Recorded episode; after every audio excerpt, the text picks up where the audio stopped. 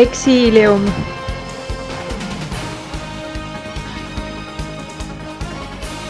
Exílio.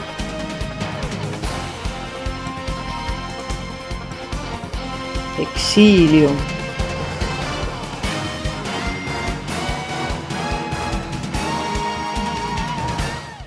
Exilium.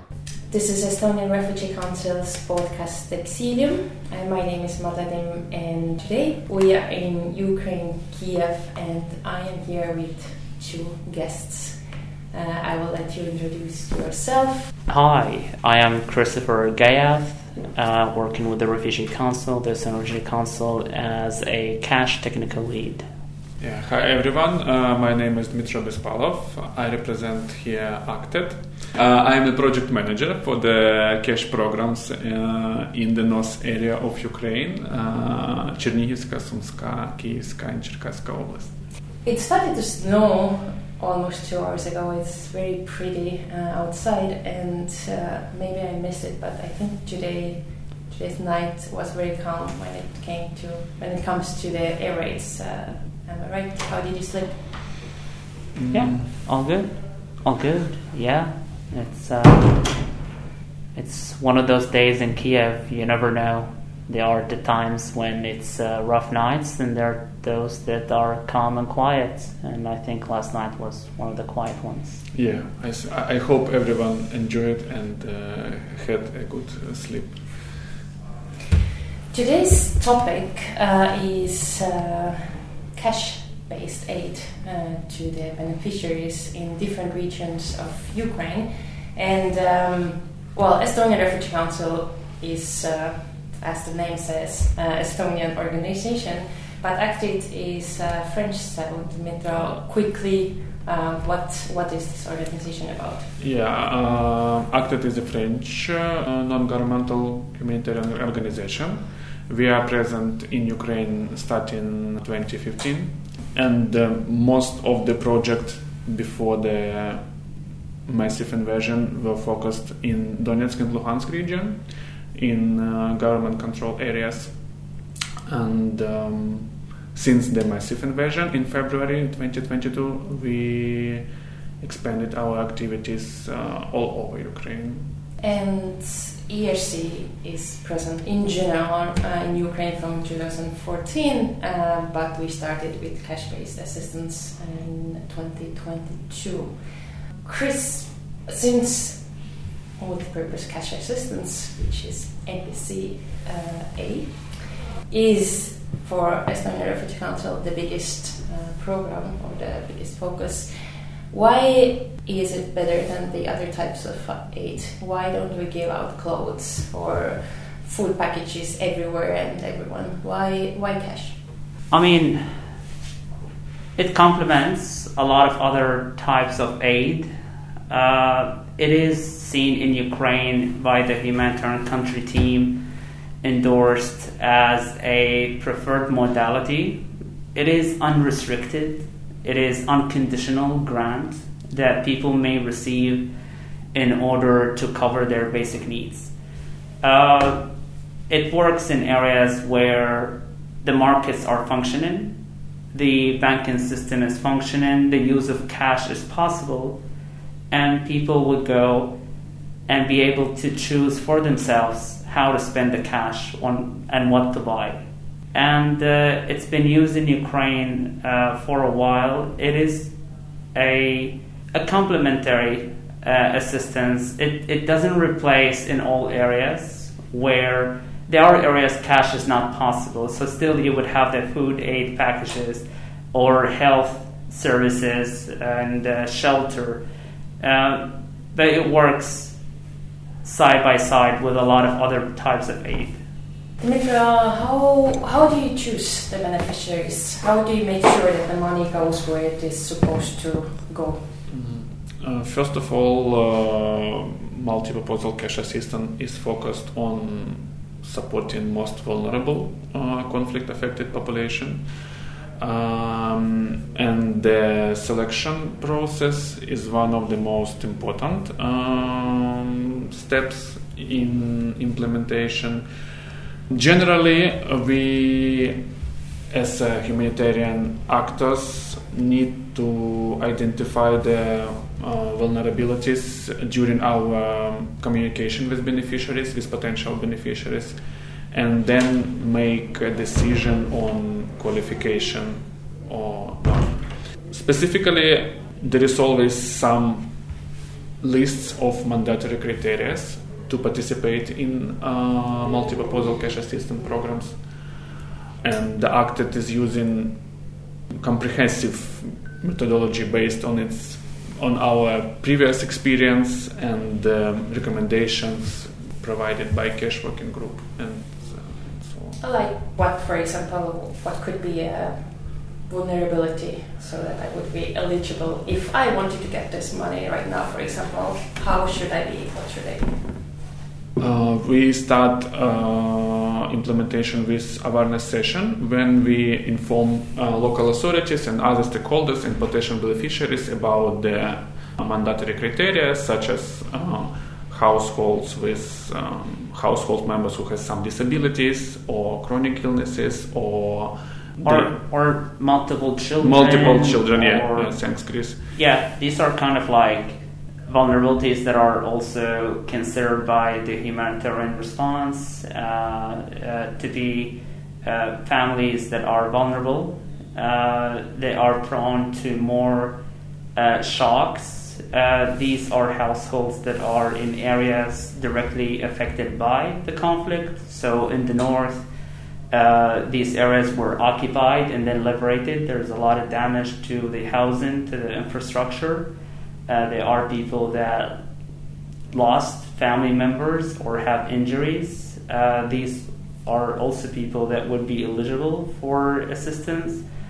Uh, the list of those vulnerabilities uh, is in sync uh, with the cash working group in Ukraine, which is the United Nations response uh, mechanism uh, that, that we have. In Ukraine, there are clusters such as the health cluster or the education cluster uh, or the shelter cluster, and there is the cash working group, the steering body for deciding, choosing, recommending what are the vulnerabilities, who, how do we target, uh, which areas do we target more, and uh, we follow these recommendations uh, based on humanitarian assessments that are done in these areas.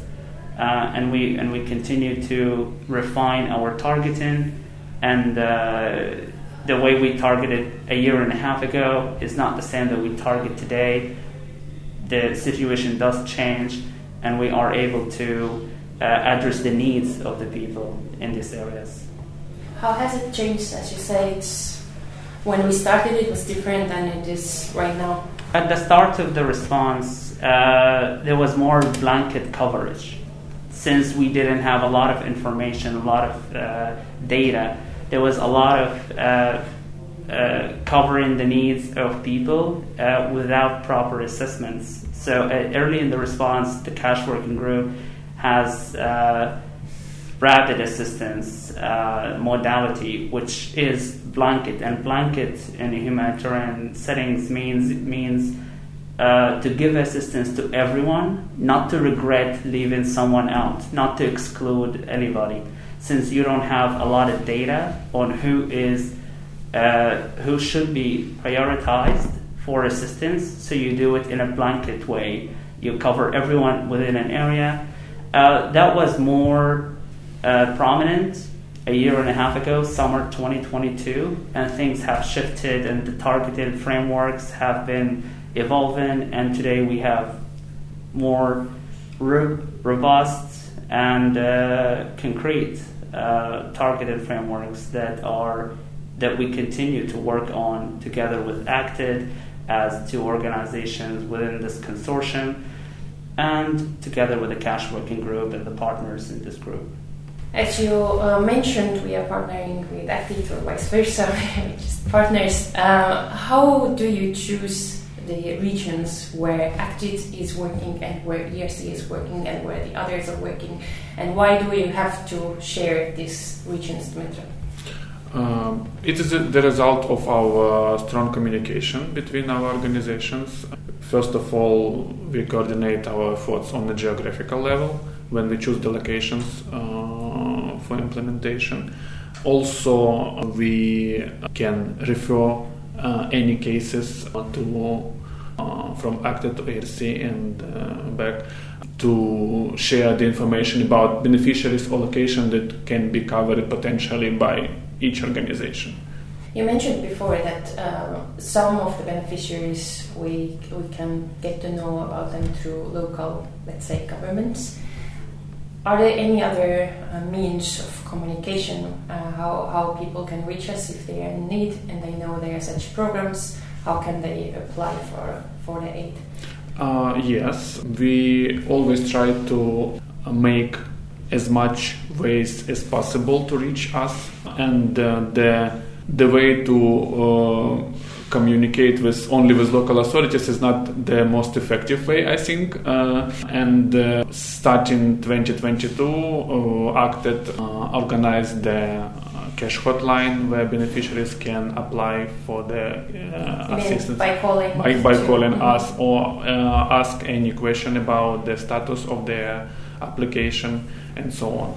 We also uh, have strong uh, communication with uh, local CSO, civil society organizations, and uh, volunteers and activists in communities of implementation who also support us with the information about beneficiaries or they can help us to inform them by social media and uh, their channels of information as well as we had an experience of um, uh, sharing the QR codes in uh, some communities for those beneficiaries who had who has uh, smartphones they could scan it and uh, uh, apply for the assistance.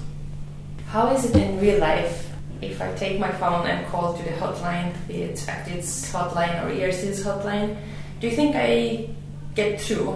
Do you think that I would succeed? Because I can imagine there are so many people calling at the same time because the need is so high uh, in Ukraine in general. Uh, that was a, big challenge in the very beginning uh, for I think for all organizations, but we had some experience to use uh, modern ways of uh, receiving these phone calls through the internet, and we can see the statistic and we can see the phone uh, numbers uh, missed, so we can contact them. And I think now it's easier to reach each humanitarian actors because we are also focused on to be open and to be available for the beneficiaries. Yeah, it is like a lot of people would find it difficult to get through, but at the same time, a lot of other people do go through and uh, apply for the assistance, and it is you, you one of other methods we have in in registration for, for aid. And it is a method that would still have a huge advantage, the call centers. Uh, the, the huge advantage, it's in areas that humanitarian actors perhaps cannot go physically. Uh, talk in areas very close to the ongoing hostilities around the contact line where military activities are are uh, ongoing. And these are areas 5 10 20 kilometers uh, close to, to the front line.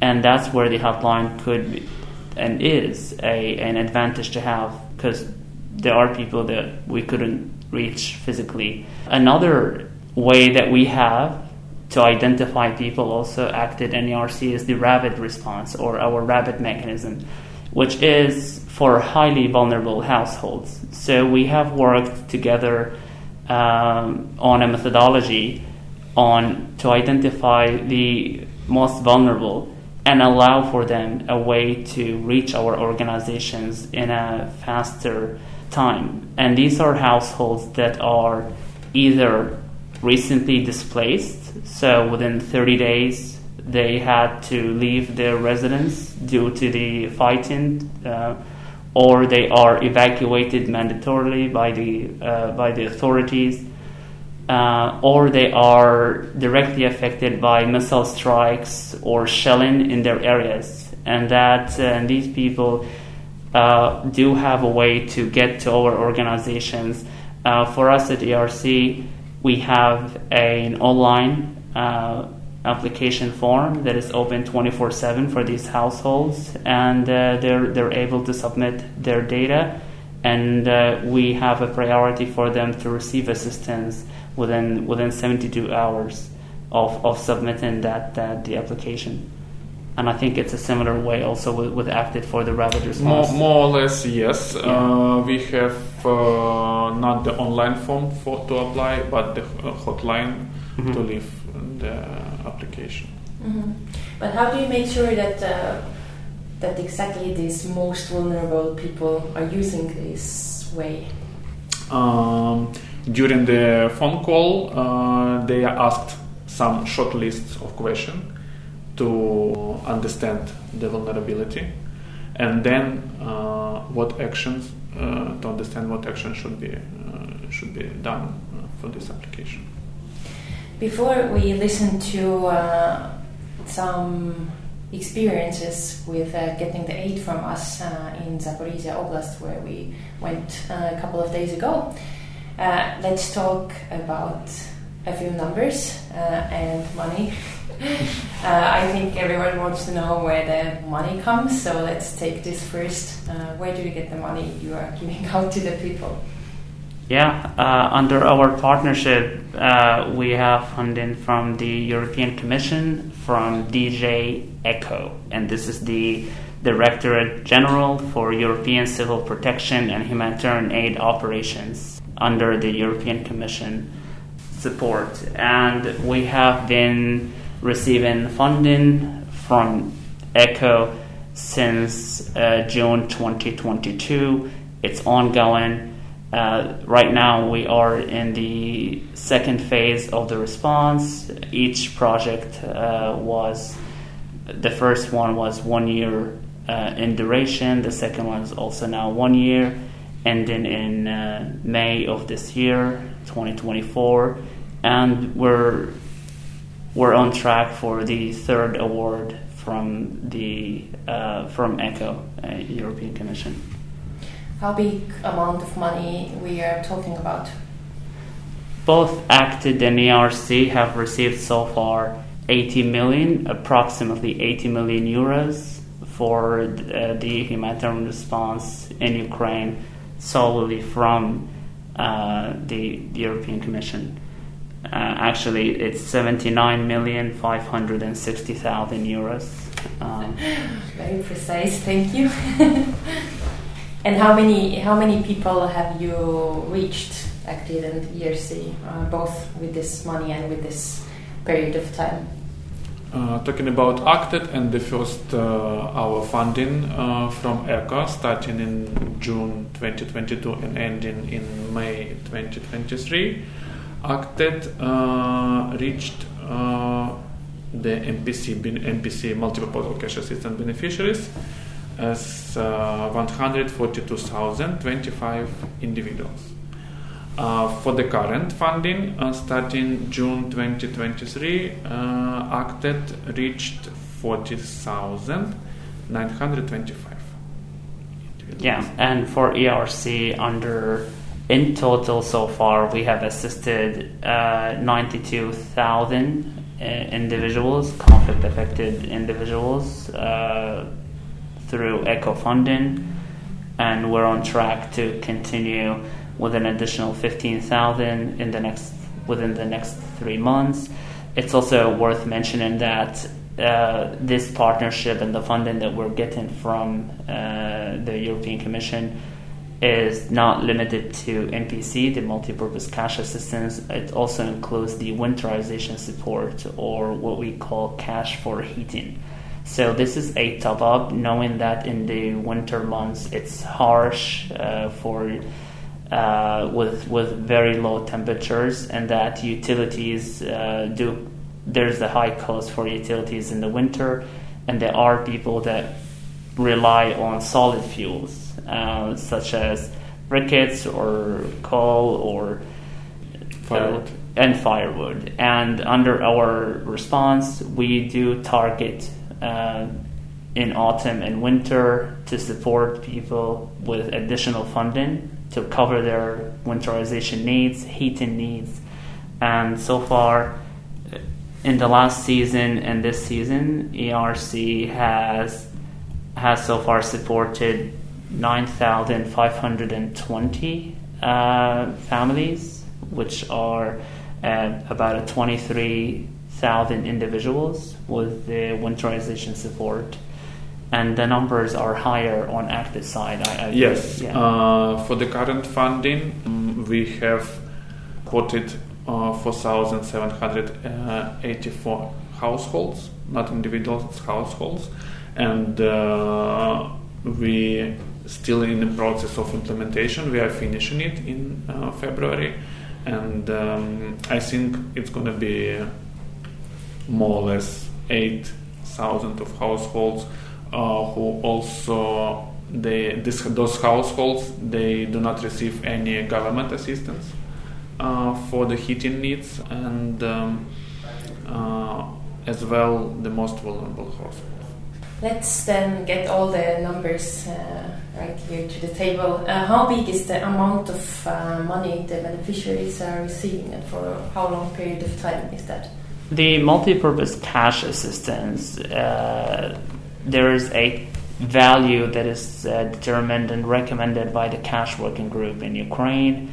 Uh, this today is 3,600 Ukrainian hryvnia per person per month, which is about a in euros this would be a 92 93 euros uh, per so. person per month. So if a family has four members then they get four times this amount per month.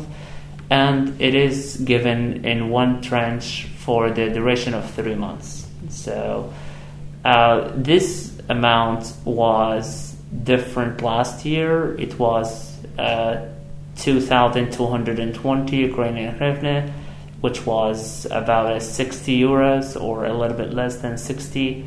Um, but knowing that the the prices have increased in the country and with inflation, so the cash working group has decided uh, to to increase the transfer amount, and we are following this as humanitarian actors. Uh, we're in line with the recommendations, and the cash for winterization needs or heating needs.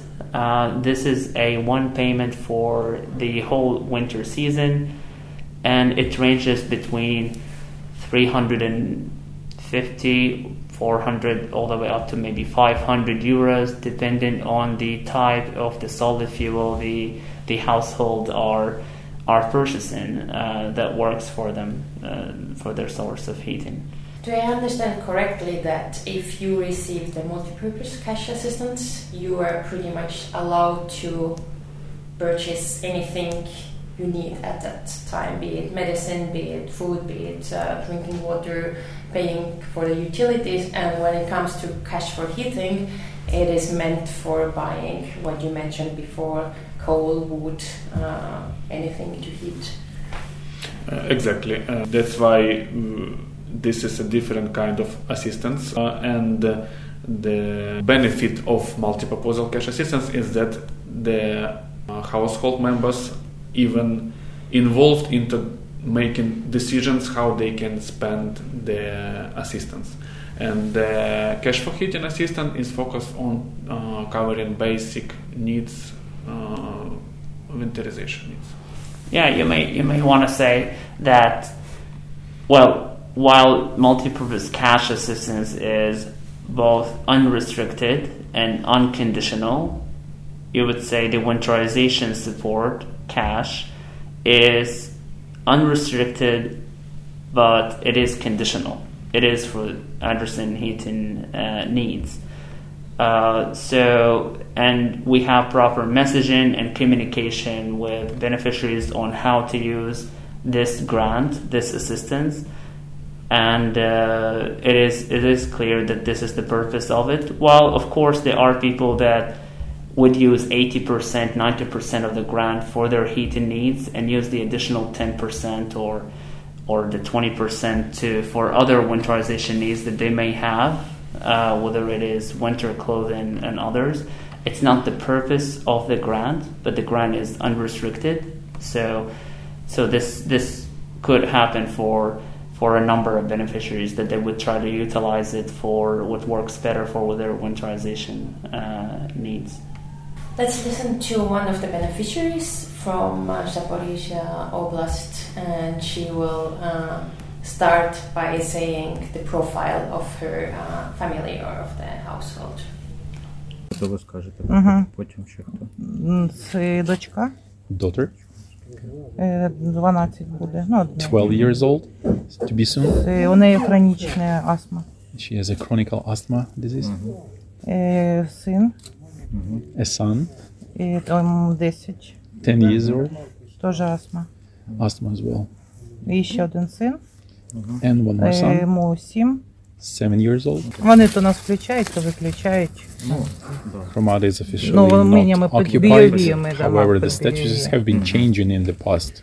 Ні, ми Ще не пере- є. не переселили. We're not IDPs, Або we're the повернулися. residents, Ні, ми permanent не residents here, виїжджали. never left the settlement. Non-officially, uh, my husband is a part-time worker. Ну, як ваше господарство? Він більше 6 тисяч? 6 А, ви що? What's the average Ні. income of the household? Is it more than 6,000? No, no, it's definitely not. It's lower.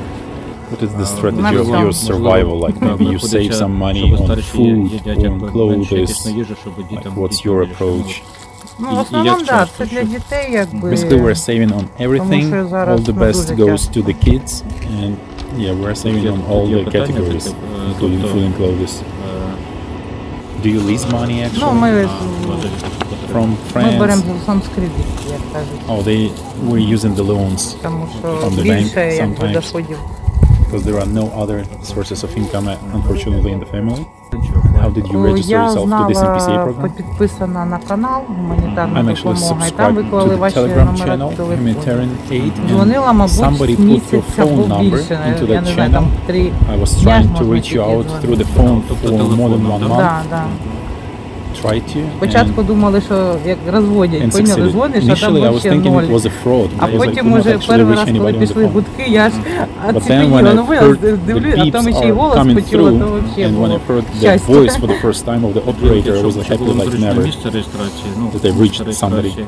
Я ще уточню. How much time did it take from Десять registration днів, to десять. actually reception of cash? It Ну, was дуже around 10 швидко days, so it was very quick Дуже response. здивувалися. We що were really Там просто surprised to е, receive the анкету money so трошки треба quickly. було, ну, під, е, ну, вони там попросили доповнительні. There was some procedure ну, actually to якби, fill in the application form документи. because I was asked І, for some uh, additional Прийшлось papers to доповнительні, ну, fill десь in. днів 10 But it пішло. took like 10 days only, Да. and we received the payment.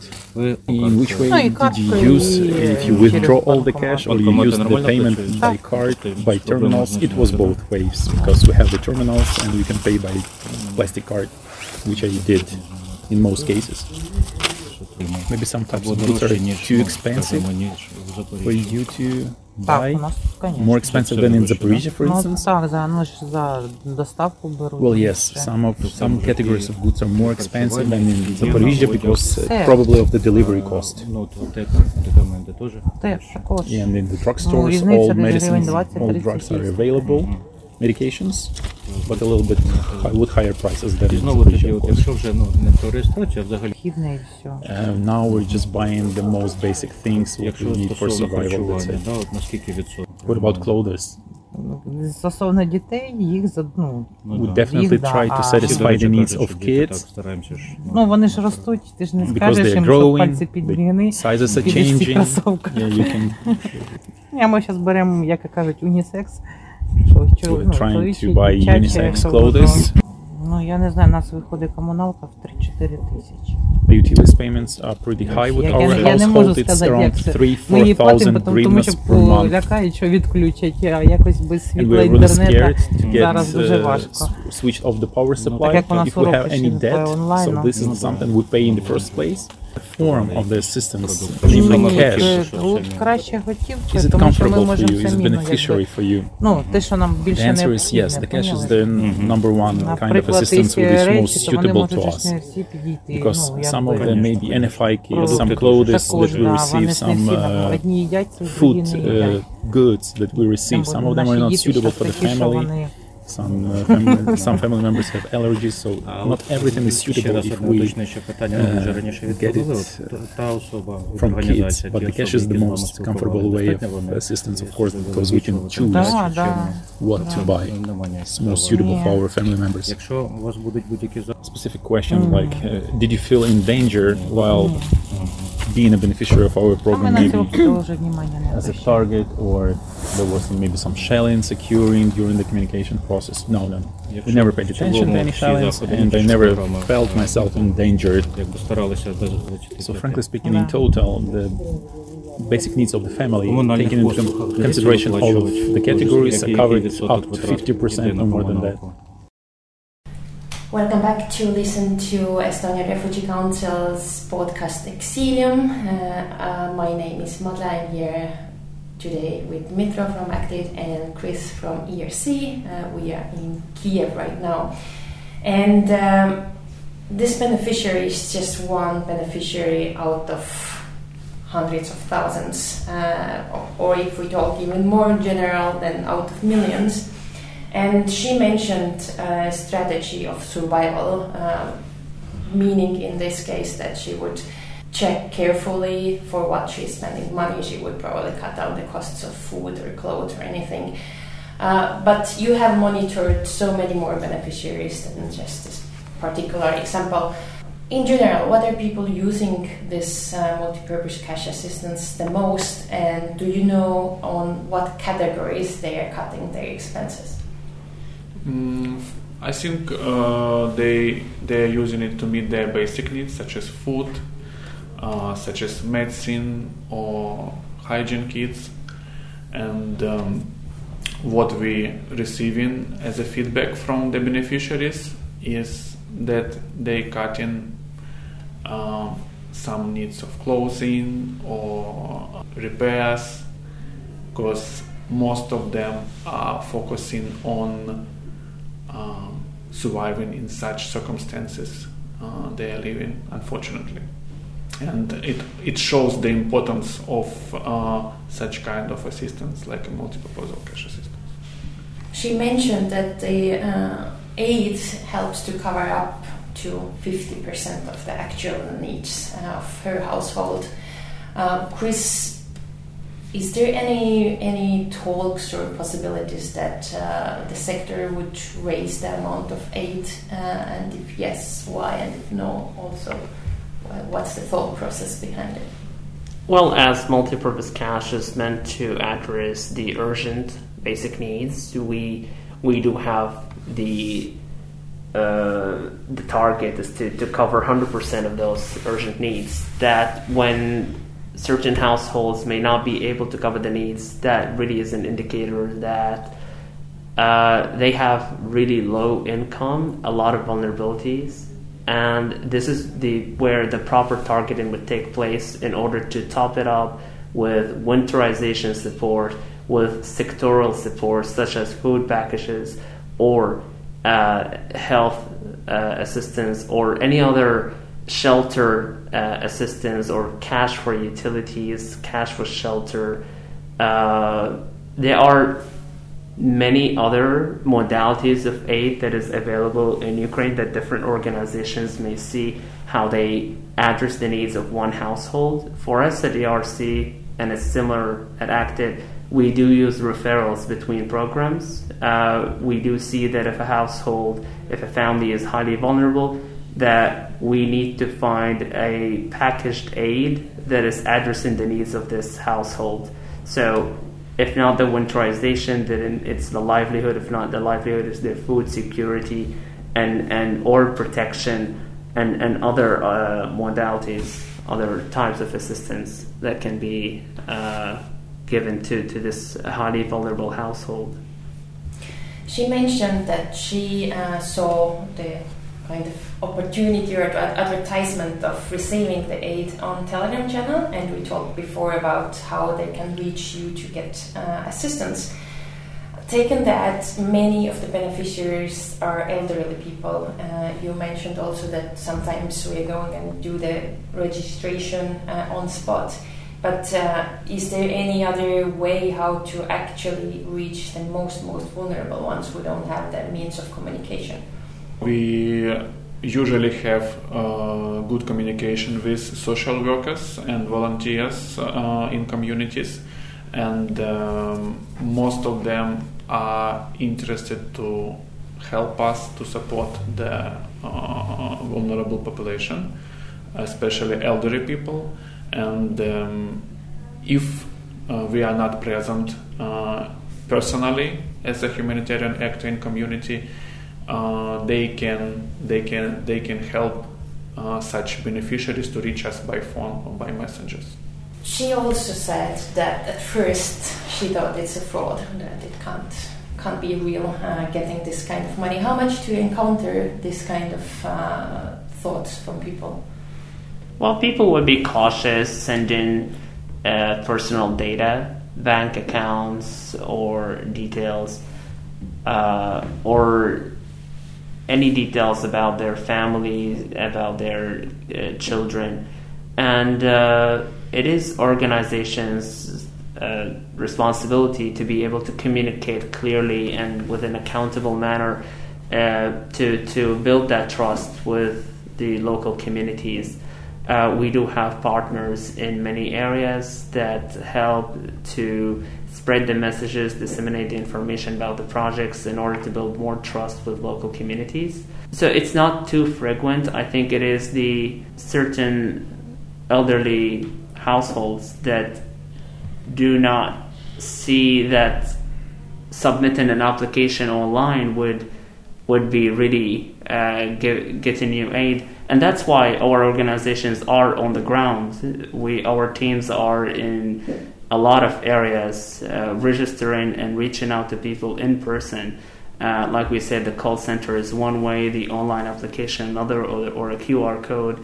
Uh, but our teams are in all locations, uh, seeing people firsthand, talking to them, and registering them, and uh, supporting them with aid. Uh, and that is what, for humanitarians, that builds a lot of trust with local communities.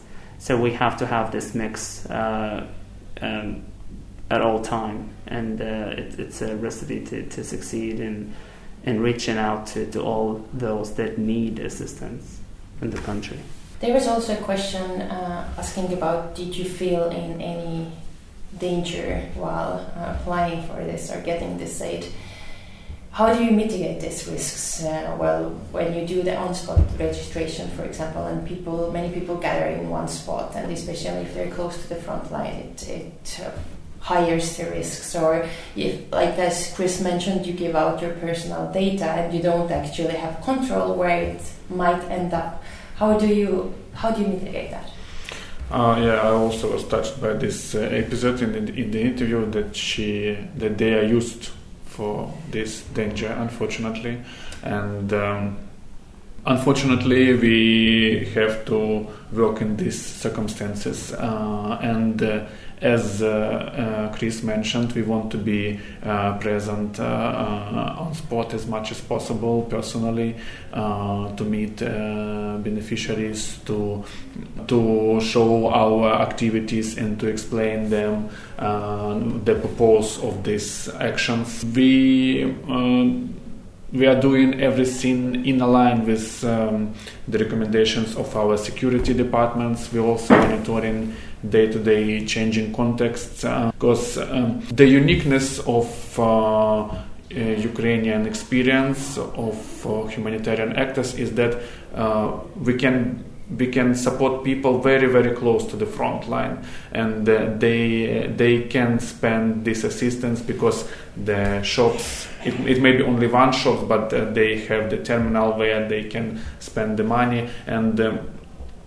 uh, the understanding that we should be present there push us uh, to follow all the security recommendations because the safety is also our priority, the, the safety both for beneficiaries and for staff members.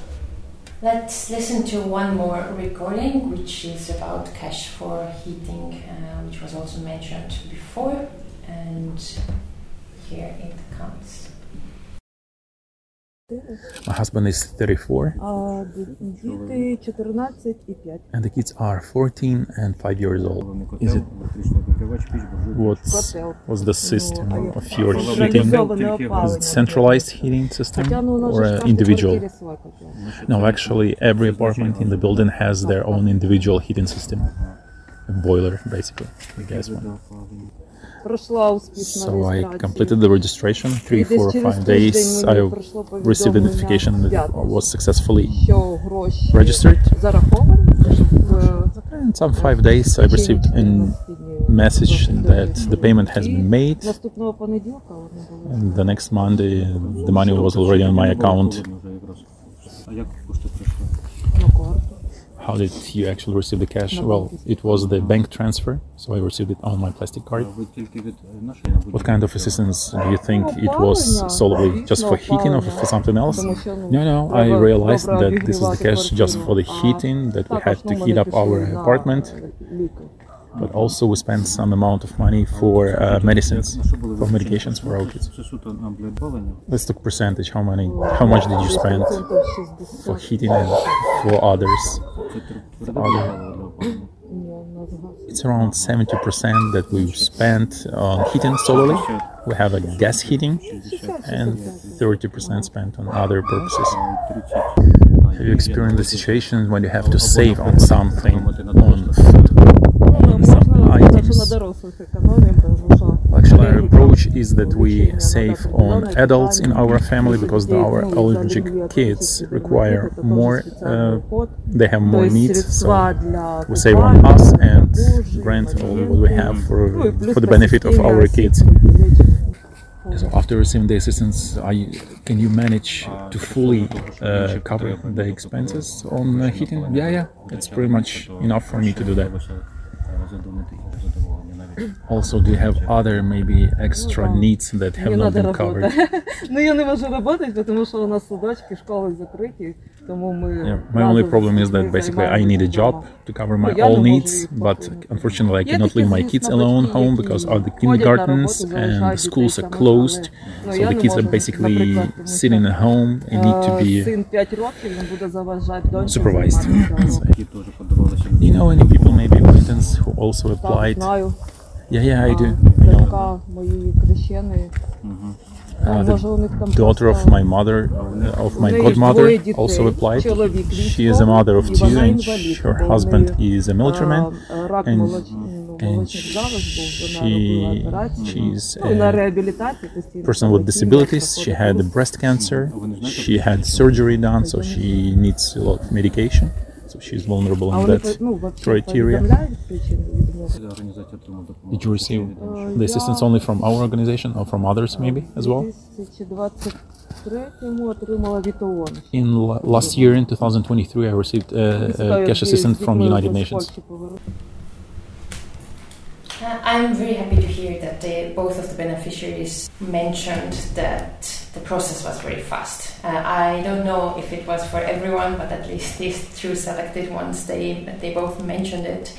And I believe this has been uh, improved. Uh, when Chris, you mentioned in 2022, they were also like maybe building up the systems and uh, seeing how to how to assess the needs better. Um, and she was also mentioning that she was using part of the uh, cash, uh, which was meant for heating, to buy the medicine. And I think this is this is something uh, common.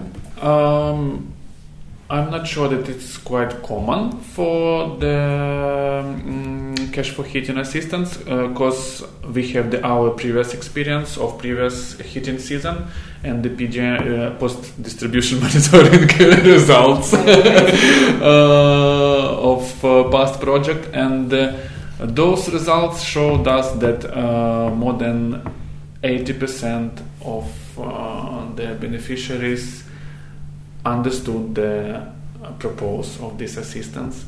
Uh, of course, we cannot uh, exclude some urgent cases, and we don't know the uh, what was what what what was the purpose for this medical expenditures. Um, maybe it was some urgent cases, and uh, of course it can it, it, it possible, but. Um, I think we are more or less we are quite good with um, explanations for the beneficiaries uh, of uh, the purpose of this assistance. She mentioned that she also got uh, some help from UN previously, United Nations. How do you make sure that some people would not get like three times from different organizations to help, and then some other people would never receive any kind of help? First of all, um, we are using for multi-purpose cash assistance. We are using uh, online platform building blocks. This platform is created for um, conducting the process of deduplication of beneficiaries. We upload in the tax IDs of potential beneficiaries, and we can uh, understand can we can we provide the payments or uh, the beneficiary can uh, receive the assistance from other organization in the current period. Uh, for cash for heating, uh, we do not have such a possibility at that moment, uh, but it's in, in a process of implement, implementation as well. Uh, as for us, ERC and ACTED, we um, conduct the duplication process by checking, cross-checking through our internal databases. So we can also exclude some potential households who receive assistance from ERC.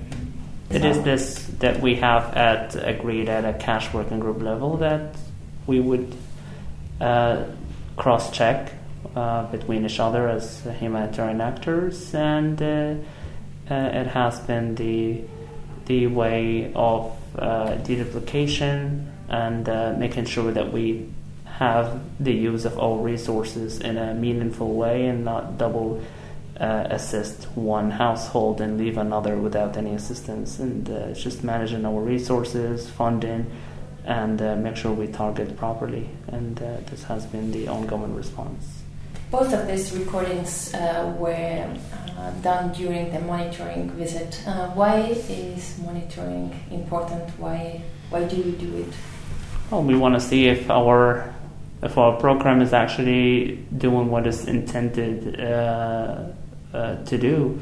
Uh, we want to hear from those who received the aid how was the journey uh, that they had to go through to receive assistance and uh, to be accountable as humanitarian actors and to see what can we modify and change and improve in our programming in order to address the needs of the, of the people in the way that they see fit and, uh, and accountable so it is an it's a it's an ongoing thing. Monitoring goes from day one of starting to the plan all the way until the project is concluded and uh, completed, and uh, uh, we continue learning. It is a lot of learning that goes through monitoring, and we take the feedback and we take the findings and we tweak our program and see what works uh, better. Uh, whether it is how do we do our registration processes uh, to whether the amount of assistance is uh,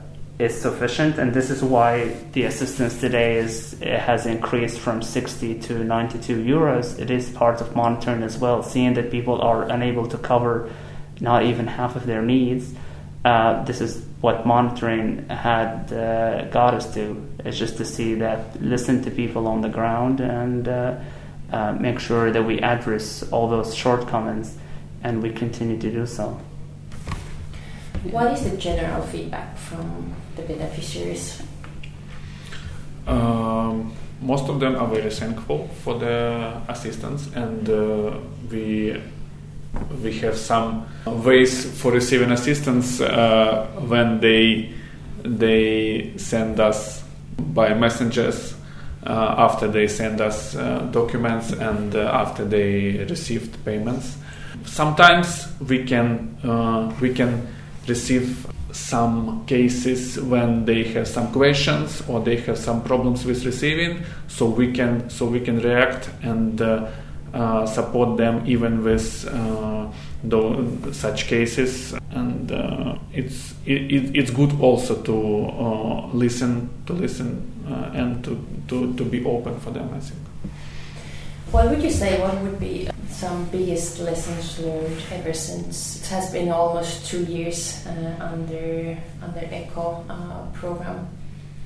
Mm, as we have ongoing attacks on infrastructure, uh, especially previous year, uh, there was um, long outgates of electricity and lack of mobile connection, but fortunately we were able to be present in uh, conflict affected communities as much as possible um, and we uh, were trying to find new ways to uh, to reach the beneficiaries and uh, to reach them uh, to us.